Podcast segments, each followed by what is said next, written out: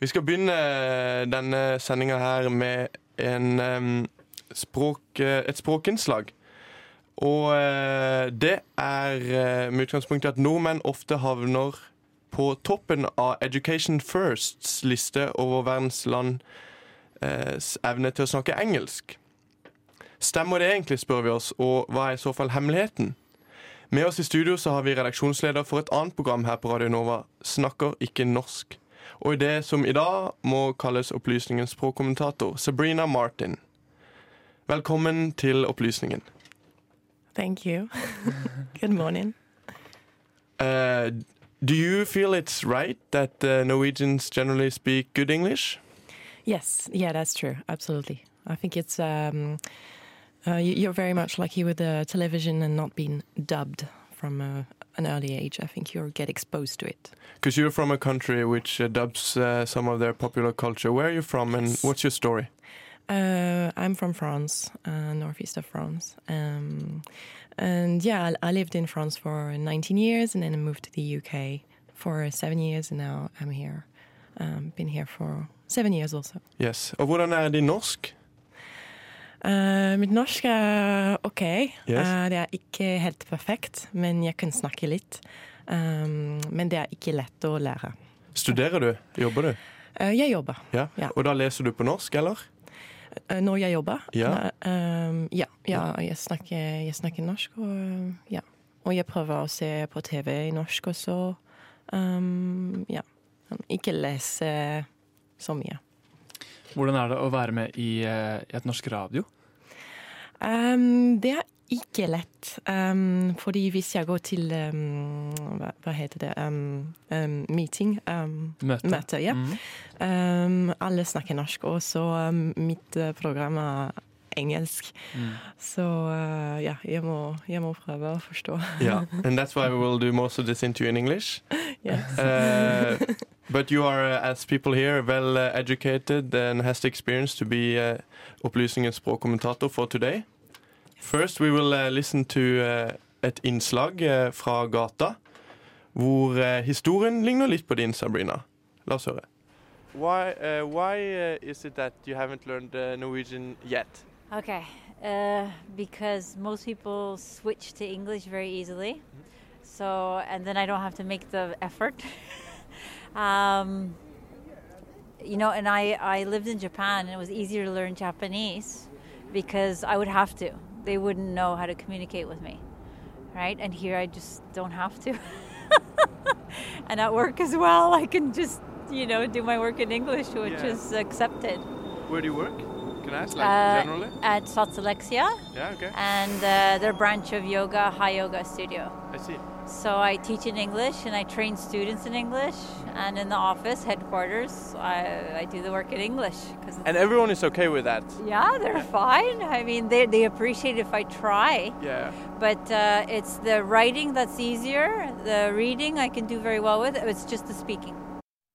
Her hører vi altså en blid kanadisk dame som har bodd i Norge i ti år. Hun har ikke lært seg norsk flytende, fordi hun kan snakke engelsk på jobben og i andre sammenhenger. Hun har bodd i Japan, og der måtte hun lære japansk, for der kunne hun ikke snakke engelsk.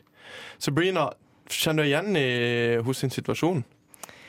Um, jeg, jeg forstår det, fordi også uh, hun jobber og kan snakke engelsk. Um, også jeg tror hun er um, comfortable. Mhm. Uh, så ja, hvis du ikke ser hvorfor du må snakke norsk, hvis det er ingen um, point, mm. uh, uh, så ja. Men Er det et eh, problem at eh, når du er ute på gata eller i butikken, at folk bytter til engelsk veldig fort? Ja. ja. Eh, noen ganger veldig, veldig fort. eh, Fordi noen ganger jeg prøver å snakke norsk, og eh, jenter i butikken skal snakke engelsk. eh, eh, så ja, det, er litt em, Det er, et problem. Ja, det, Ja. det er et problem. Men tror du det har sammenheng med at nordmenn er litt eh, utålmodige, kanskje? Uh, uh, That we're impatient? kanskje. Noen Ja. ganger. Ja, Mm. ja, noen ganger. Jeg tror det. Vi bare vil at liksom, denne handleturen skal gå fortere, og så liksom tar vi det på engelsk, for Ja. det er like så greit. Ja, precis. Ja. Ja. Det kan jo også ha noe å gjøre med at folk er stolte over at de er gode i engelsk. Vi skal nå høre fra to gutter, Nikolai og Max, som begge er 17 år og plasserer seg på syv ut av 1 til 10 på skalaen. La oss høre hvor de har lært engelsk. Where did you learn English? Uh, I learned a lot of it from watching YouTube and in school, but actually more from the internet. What YouTube videos? Uh, most well, early it was YouTubers, like when you were eight, nine, seven, ten. Numbers? Yeah, sure. So most of those kind of videos. And then? Uh, then outwards, it was kind of just picking up from playing games with uh, people from other countries, and still YouTube. Yeah, and school, of course, but mainly those. Where did you learn English? kindergarten. Uh, is it called aunt or what is it called again? Uh, the one who uh, After Like- school? no in kindergarten. What uh, the teachers like? What are Uh, they called again? Um, kindergarten uncles? Yeah, sure. We go with that. Um, my my teacher, yes, uh, she was English, so I learned a lot uh, from her, and uh, I have some English relations and relatives. So yeah, here and there, and of course YouTube and the internet. A lot from gaming and stuff. You seem uh, very good in English. Are you confident in uh, your English abilities? Uh, yeah, quite. When you go traveling, do you ever, ever have problems with your English? No, not no. What about when you play games? Do you have trouble expressing yourself? Uh, sometimes, but rarely. Uh, what do you do when you have trouble expressing yourself? Well, I usually try to find other words to explain myself, or give up. Takk skal du ha, gutter. Vi hører altså her to gutter på 17, Max og Nikolai, som eh, er selvsikre i det de snakker engelsk.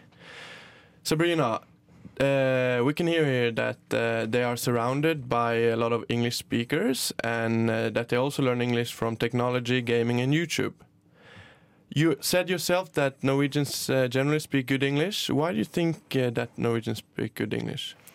Um, because you are exposed to it very early on, and um, uh, there's no awkwardness about the having another language um, coming into your life. I think if I compare to France, where um, English is a little foreign, it's like almost not that we don't want to learn, but it's just like let's protect the our own native language um, first. But it's a shame because we're losing, you know, we're losing at it. I think. Would you uh, add anything more to the list, or do you generally agree with these two guys? Uh, about uh, learning English on Yeah, Sources that they use? Yeah, I think it it makes sense. That's what I see. That's um, around me and, and video games especially. I think it's great if you want to learn uh, if you want to learn English because that's the main language, uh, coding system and, and all that. Everything is in English. Mange tenker også at skolesystemet er en viktig del av forklaringa for hvorfor nordmenn gjør det bra i engelsk språk. Og Vi skal nå få høre fra tre jenter som går på ungdomsskolen, og altså er midt i denne læringsmølla.